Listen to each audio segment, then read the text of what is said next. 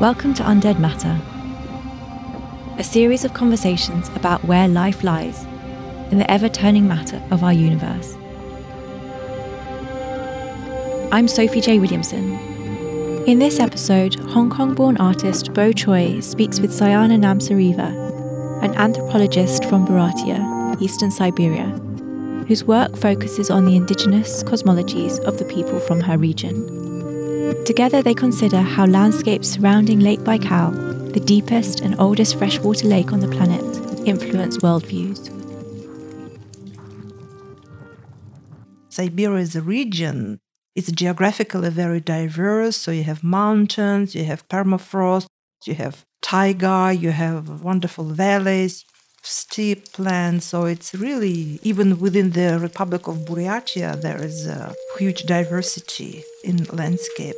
So that's why just think about the vastness, and it's still a underpopulated area. And the traveling there, it's still difficult because there is no travel infrastructure. Siberia is one of the last resource untouched frontiers. The whole world is thinking about planting trees, and Siberia contains around 20% of the world forests. It's also one of the lungs of the planet. Amazonia in South America it brings more attention because it's easier to travel there and to see just what is going on. But because Siberia, in Western understanding, it's still very remote, it's still terra incognita. So now people become more interested to see Siberia from a different perspective as a huge natural deposit, but as also a very unique spiritual landscape which has its own cosmology. Mm. How do you think that this immensity of nature has an impact on the nature of the people there? I wonder if like this vast amount of forests and empty land and the so being so close and wrapped around by the sky, like how does that impact the nature of the people? It depends from which perspective you are talking about local people because Siberia, there are a lot of ethnic minorities living in Siberia. So we are probably talking about the regional identity, like uh, being a person from Siberia, for example. It always gives an image of a very strong, powerful, rough people who mm. know how to survive in this climate when it can be very cold and very hot. Because many people live still on hunting and fishing, so they know this kind of a special knowledge everything kind of presents itself it's much stronger, very powerful. It's just hundred and hundred kilometers of forest, and you feel these enormous distances, all these mountains covered with forest trees, the taiga, and of course you see there are a lot of animals there. And sometimes animals come closer to cities, to villages. The area of the Lake Baikal, because it's a kind of in the middle of the Eurasian continent. You have this kind of a big temperature difference between day and night. This is kind of part of the everyday life, being engaged with all these uh, nature forces.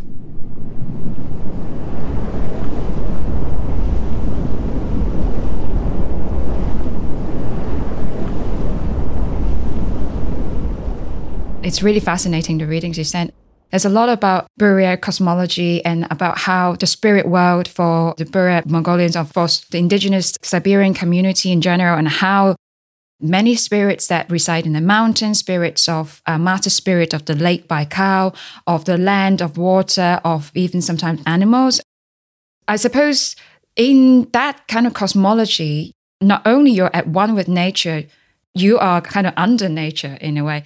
I remember in one of the readings, I found it really super interesting is how, I think it's a Humphrey reading that you sent on the role of mirrors in Mongolian shamanism. It was describing how do the beings in the realm of dead see us? They see us as these like little worms in the sunny world. I just find that like this is really interesting perspective shift. I mean, it's quite metaphorical, of course. Mm, yeah, of course. Yes, but it's just trying to give understanding of a different value system. You see.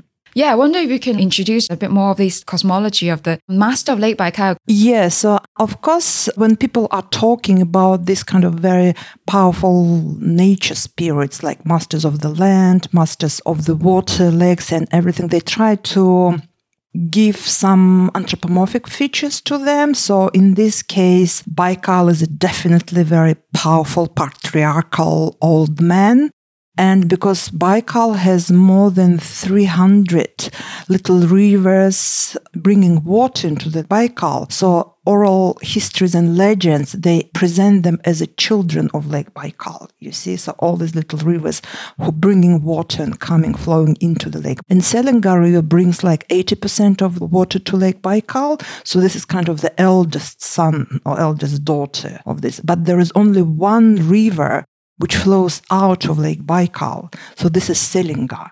Oral histories depict this Selenga as a rebellious daughter who decided to run away from her father to marry another river whose name is Yenisei, you know, the big powerful river in northern Siberia. So I think this is kind of very interesting approach to present life of nature as a life of human society. So I think that this kind of oral histories, they just explain in this very romantic and maybe humanized way the structure of the things around you. It's a beautiful legend. So, to continue the story, when Angara River decided to run away from her father, so of course, Lake Baikal spirit, he's called as Bairel Babe, like respectful old man. So he get furious and he didn't want her to run away and marry this river Yenisei. And so he threw the big stone towards Angara, who was running away. And nowadays, just at the place where Selenga runs out from Lake Baikal, there is a huge stone just in the middle of the river. This landscape there is very much animated.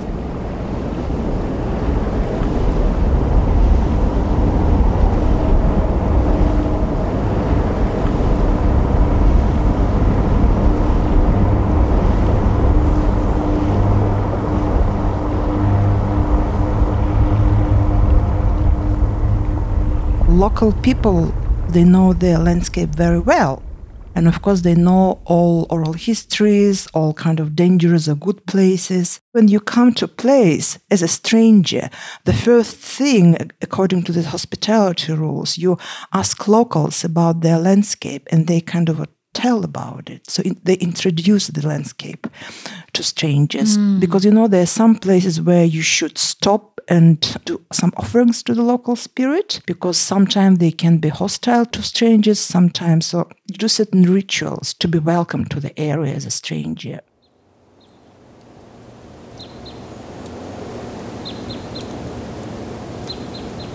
I was traveling with one of the local guy near one village she said, Oh, this is a road actually where sometimes you can see a shaman woman riding a horse.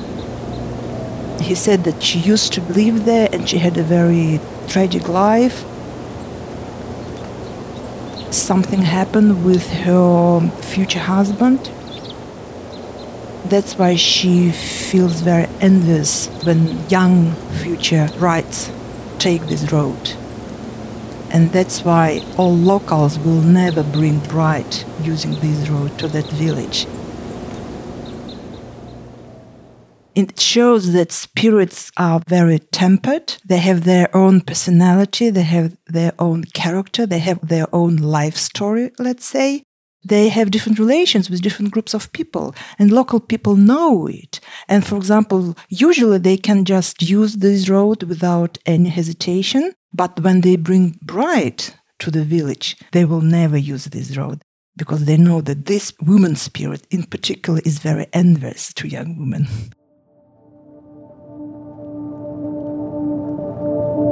According to local rituals, placenta of the child was buried in the place where this child was born.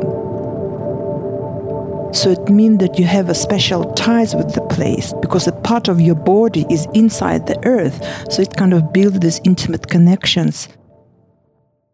It's a very special ritual which actually knots you with a certain place Mm. and you treat it as your own place, the place where you belong to. It doesn't matter the kind of the rights of the property in present day capitalistic way to whom this land as a property belongs to. But because of the seasonal migrations, a child could be born at any of these places, like in a winter camp or in a summer camp. Usually, when people talk about their homeland, they think about the village, about the region, hmm. or maybe street or certain area where you was born. But in this case, placenta homeland, it just shows the exact place where your placenta of your mother and maybe umbilical cord is buried. So it kind of knots you with the certain place Yeah. according to the local understanding. So people live certain life cycles. So you should end your life cycle always at the place where you were Oh, always born. at the ah, Yeah. so you go back to your placenta homeland. Yes, you should be around this place. To keep the strong ties with your placenta homeland, people visit this place once or twice a year, for example. In one of my articles, I describe these rituals that they usually take off the clothes and they roll on the earth and just lay down embracing the earth just to try and getting the strength and power from the earth into the body so this is one of the kind of healing practices you see Wow, this is so fascinating. It goes back to the whole theme of relational ecology and how as humans, and maybe since the starting of agricultural society, that we become more sedentary and we become more fixed to the location. And then we become more anthropocentric and we are kind of the center of the universe. But in the more nomadic societies, you have a much more at one relationship with the land. This is a literal combining yourself in the soil, in the land to become Yes, one. exactly. Because it's not only combining yourself with the soil, with the local dust and grass, it's also drinking water. They wash their hands, they wash their body, kind of using the um, local uh, uh, uh, kind of. Uh, uh, water, it's kind of purifying yourself also symbolically. So, visiting your placenta homeland, there is a special term, toonto, you talk in Mongolian language, it brings lots of association for people about these local spirits, about your moral health, and about your duties and responsibilities toward the nature. Of course, because you have such an um, emotional attachment, so you will never overuse the resources of this place. You will never cut off more trees than you need. You will never pollute sources there. You will never kill wild animals more than you need for your survival needs. So I think it kind of gives you a very good example how people try to appreciate the nature, Yeah, which absolutely. literally feeds them and keep them strong and going.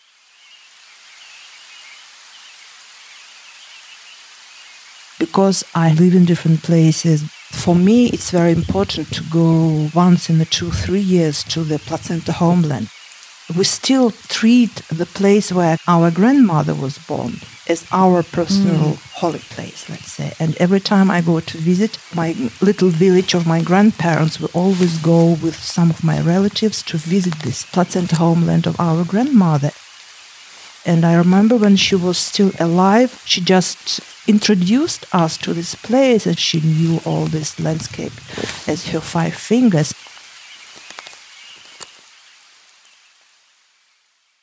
In all mythological kind of consciousness, you have different layers and structures and hierarchies of all the spirits. And I think that local people, they usually have lots of interesting stories to introduce to strangers or to younger generations about different layers of the landscape. Local shamans told that this is a huge graveyard of ancient battlefields. so they're kind of uh, filled with ghosts you see. So in this case you have a much more complicated understanding of the landscape. So they are not only good and bad spirits not only protecting spirits or some strange and weird ongons as you remember the term in one of the articles? Ongons, yes, yeah, but there are also some other spirits like ghosts who also can be maybe harmful. We see only things on the surface while this kind of knowledge they give you power to see underneath and to see different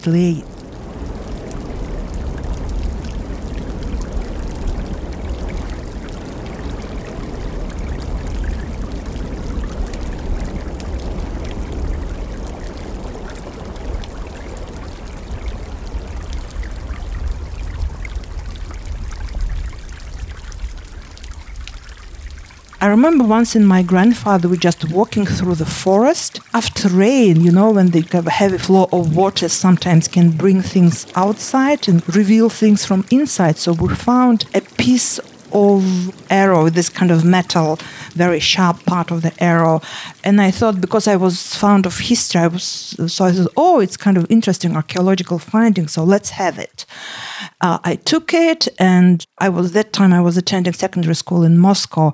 I brought it to my teacher of history, and he said, "This is a kind of 13th, 14th century things." Then suddenly my grandfather became very sick, and according to the local tradition, you don't go only to doctor to find the reason yeah. for your sickness, but you also visit local shaman or local mm. emchi, medical practitioner, Buddhist monk or shaman. So he went to see shaman and he said that actually you are keeping something which doesn't belong to your family, something very old. And the shaman said, It's something sharp and metal. Whoa. So I brought this thing back to our family and we went to my grandfather exactly to that place where we found it and we put it back. It shows that sometimes yes. people are not allowed to take things they, which don't belong yeah. to, to them. You just uh, see that landscape consists of different many layers. So, for example, all resource companies who come to exploit the natural resources. They see the landscape only as a resource. Yeah. local people they see the whole depths of the landscape and that's why i think they live in a i don't like the word in harmony but kind of in the full respect to it. Mm. can you expand on that? What your ideas are behind your usage of respect versus harmony we were talking about the other spirits, yeah. the kind of non human or other than human creatures. They also have their own uh, subjectivity, something like that. Yeah. So, in this case, people who understand it, they show respect and they treat them with respect. And they also expect to get their protection in return. So yeah. you see, it's a kind of a reciprocity, mutual reciprocity relations.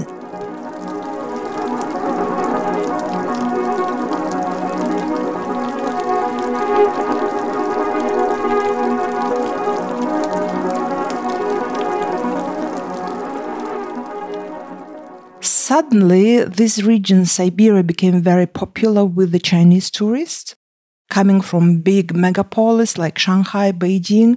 And what attracts them? Because city dwellers, they don't have experience of being in a forest, empty forest, just one to one, because they used to live kind of be always in a human society, you see, like always surrounded by people. But when they got into the forest and they don't see people and they see huge trees, different sounds, different air waves, everything. It's kind of overwhelming because suddenly they felt lost. And I think there is a need to be connected again with the nature. And that's why I think that there is a special kind of a tools to reconnect people with nature. There is a real need to be back to the roots, to experience the nature differently, not in terms of um, exploiting it. But when they go there, just absolutely different feeling. So you just feel the power and you feel that you are just such a little minor, insignificant thing compared to all these things surrounding you. Could this be a new kind of more ecotourism in that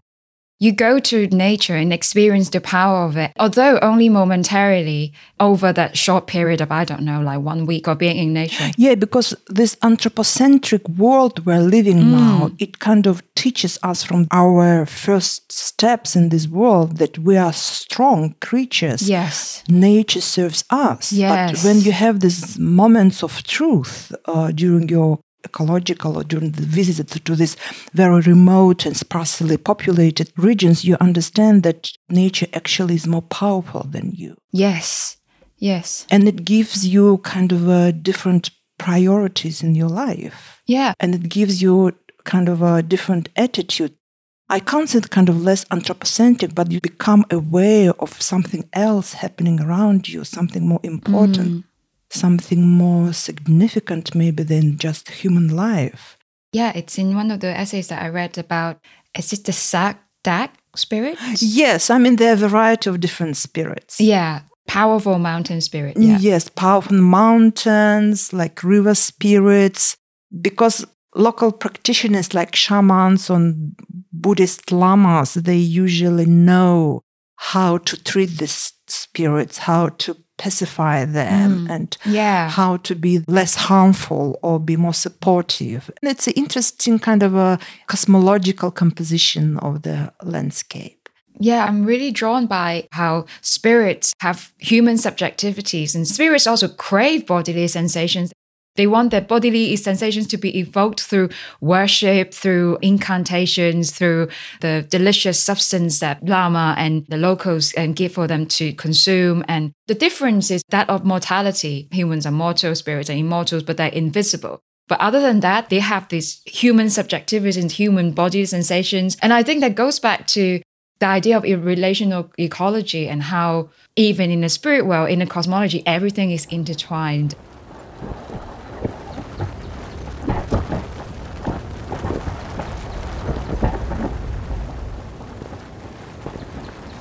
It's very important to have this kind of a transmission of knowledge between generations. And unfortunately, I can see that because most of the families nowadays they kind of divided between city and countryside. So during these short summer holiday visits, children maybe uh, cannot get this knowledge in a full amount, or maybe they just losing these connections and knowledge about the homeland of their parents and grandparents. It is one of mm. kind of a s- very sad examples when your younger generation or your family become detached Yeah. from all this kind of historical, mythological, spiritual legacy of the area. You see? Yeah, this is why I think hopefully within culture, we can somehow have this revival of ancient wisdoms and indigenous wisdoms as our daily practice. Yeah, exactly. And I know that nowadays these spiritual practitioners, uh, we call them shamans or maybe even Buddhist lamas, they start publishing lots of things like little booklets and brochures about how we should behave, why this area deserves particular respect and so because of the uniqueness of the Lake Baikal, it's uh, forbidden, for example, to kill animals on the Baikal shore because it can cause anger of the lake. So you should not throw stone or sharp objects into the water because first of all you think, okay, you, you should not throw bottles or any rubbish into Lake Baikal because it kind of harms people. No, it not only harms people, but it also brings harm to many creatures and fishes and everything which lives in this water.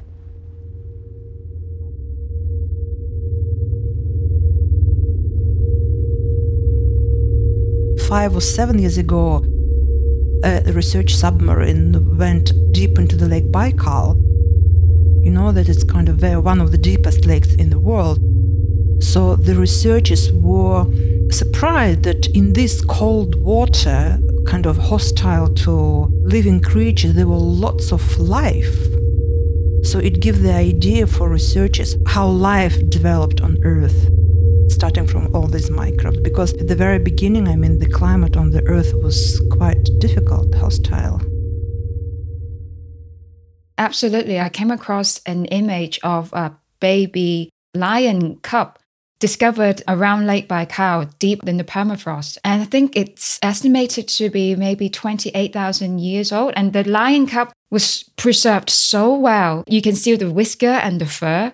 It's incredible how much history and time and life actually is still within the Yeah, I mean, in a way, permafrost and this climate of this area, it allows you to have this journey in time to see how the mm. world, the nature was maybe millions and millions years ago. Yeah, it's interesting because then I always think about this like notion of time and how when we're living on earth like as humans we are able to see space really easily and we can navigate around space. But with time it seems like we can only conceptualize time in a way through maybe events maybe through sound maybe through things but we can't really grasp and then we always have this like linear thinking of time that you know this happened present and future You know that across the Asian countries like China, Vietnam, Korea, there is a very strong notion of the power of the earth. Hmm. And maybe you have heard about the so called dragon veins.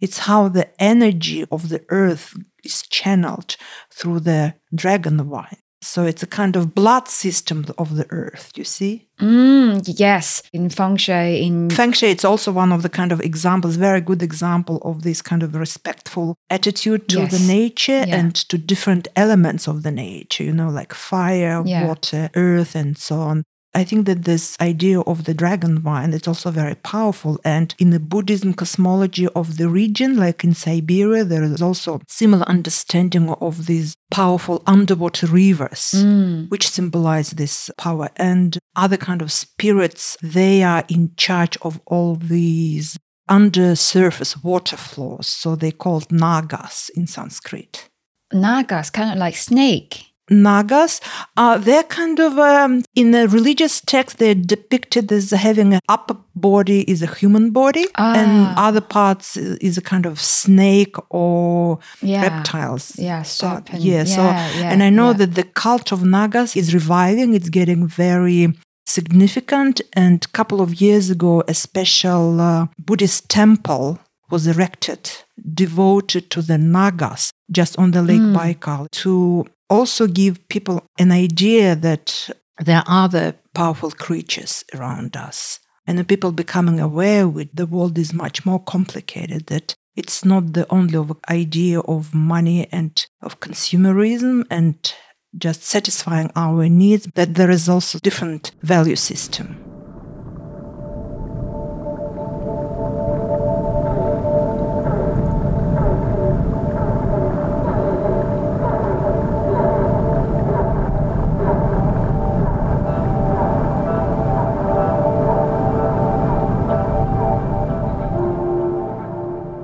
I'd like to perhaps go back a little bit on the topic of time because I remember um, your colleague uh, Carolyn Humphrey in one of her papers saying that in the Buryat cosmology, there's no primordial time. Yes.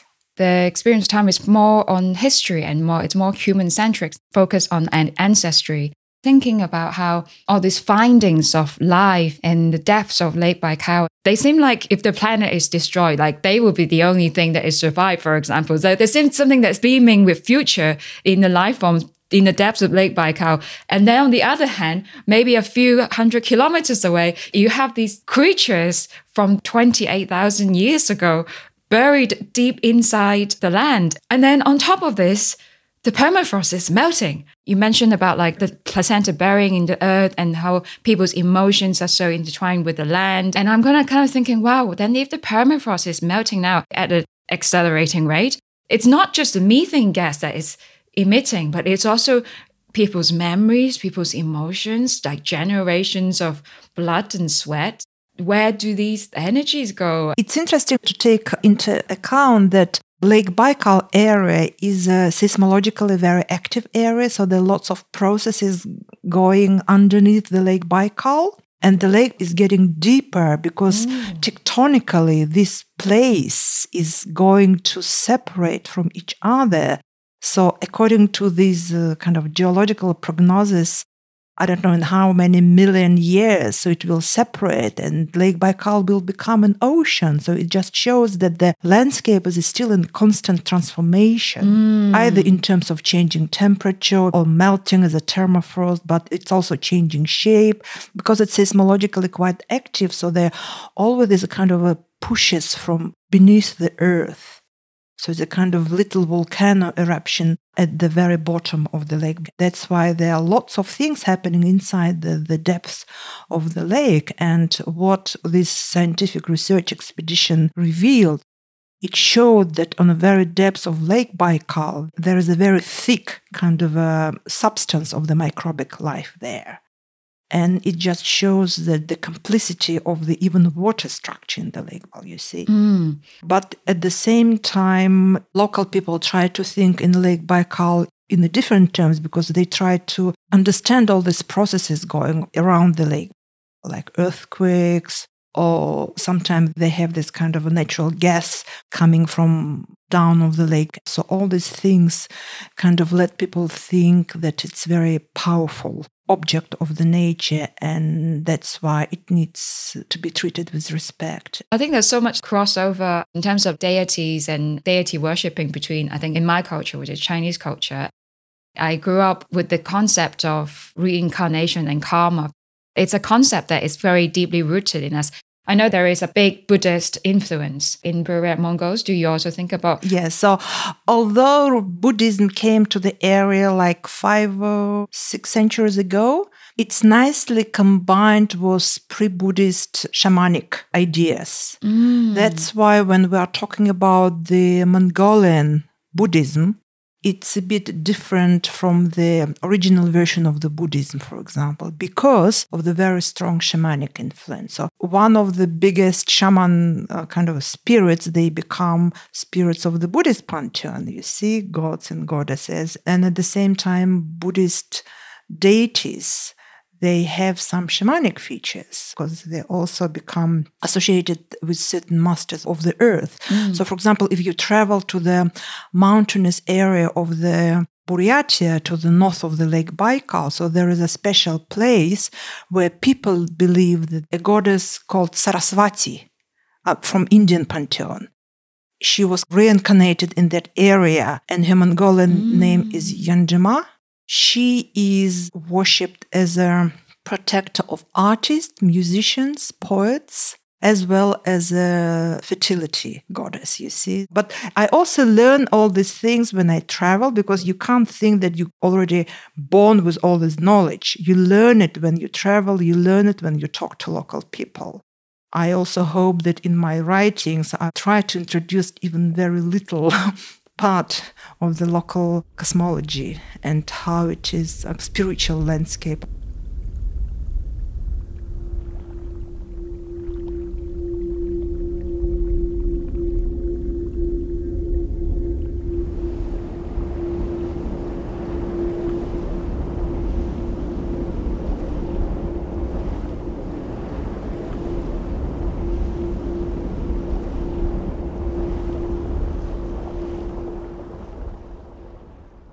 The question of reincarnation and different spirits take care of different areas of your health or your uh, one's daily life or nature. I know that in my cultural understanding from like, the Taoist, more Taoist than Buddhist or Chinese folklore traditions, you can't reincarnate in a different realm. You know, you can be downgraded, but you can't be upgraded. You know, the Ongos in Mongolia, Ongos, Ongons, yes. Ongons, then they can shapeshift a little bit.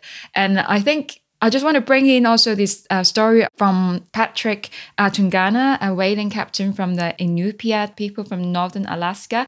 He was saying something very interesting, and also uh, resonate um, deeply with what you said earlier about the respect for nature and the, and the land. He was saying that when they hunt whales, they're very affected by uh, the international whale hunting quota. But from an indigenous person perspective, they hunt with respect, you know.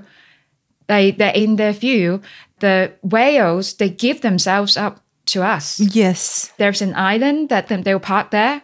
And then, if in previous instances the hunters had treated the whales with respect, then the spirits of the whale will let the tribe know that, okay, these hunters are good. You know, mm. they have treated me with generosity and respect. They're good people. And then the whales know that, okay, these are good people. We'll give like one of us to them in our next station. So that's how they have this sustainable cycle of hunting. Yeah, so there's kind of regeneration, and it also shows that all this hunting process is very much ritualized. Mm. And I think that this example you use is just one of the wonderful examples that people think about it, that they should not Yeah. overuse the resources to regenerate in order to feed them next time, next Yes. season. So it is again a, a Yeah. question of the sustainable relations. Yeah, and then he also mentioned of how they pass on these wisdoms to the next generation. Going back to this topic of reincarnation, because they also believe that the spirits reincarnate. So the whale that your grandchildren will be eating perhaps will be a reincarnated spirit from the whale from before, same as the child would be a reincarnated spirit from the grandfather. So you have this genealogical way of thinking of passage. Yeah, it also kind of shows that interdependences between generations. The similar attitude is among Buryat hunters, for example, because animals they uh, uh, there are certain rituals. Because when you kill animal, you just ask forgiveness that sorry, I kind of ended your life, but by eating your body, this flesh and meat, you will give life to my family, to my children, Mm. and everything. Among indigenous hunters, the hunting was a highly ritualized process. Yeah. For example, prehistoric people saw the first drawings of the animals in the caves. Yeah. They were animals which people hunted. And before Yeah. they start hunting, they started talking. They became conversation with the animals they are going to kill next day. So they were already kind of uh, addressing themselves. So tomorrow we start. So this is the explanation why they were drawing animals, because it was the beginning of the rituals, beginning of all this understanding to showing the spiritual connections with the animals you hunt after. Yeah, so it's almost like this notion of having permission and treating nature and things around your environment not as you know you don't have a right to that you know i think this is something this is a really big difference between the mindset between contemporary modern society um, city dwellers Yeah, so there's something kind of there was a certain switch to different tone, let's say. So Yeah. in this case, we have to tone back again our consciousness, our understanding that the nature actually sustains us, that the nature gives us resources to keep our life. Yeah.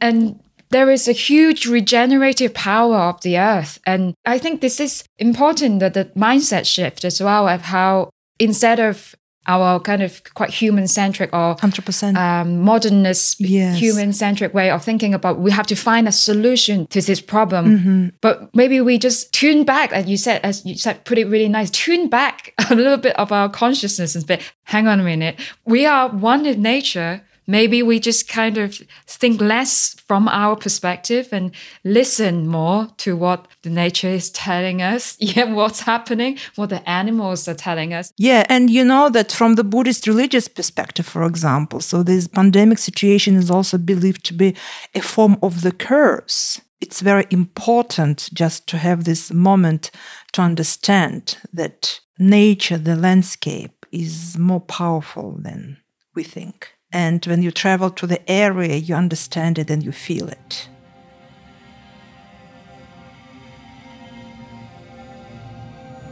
This series of podcasts is produced by Undead Matter, initiated and convened by Sophie J. Williamson. For more information about the Undead Matter program, follow us on Instagram at undead underscore matter.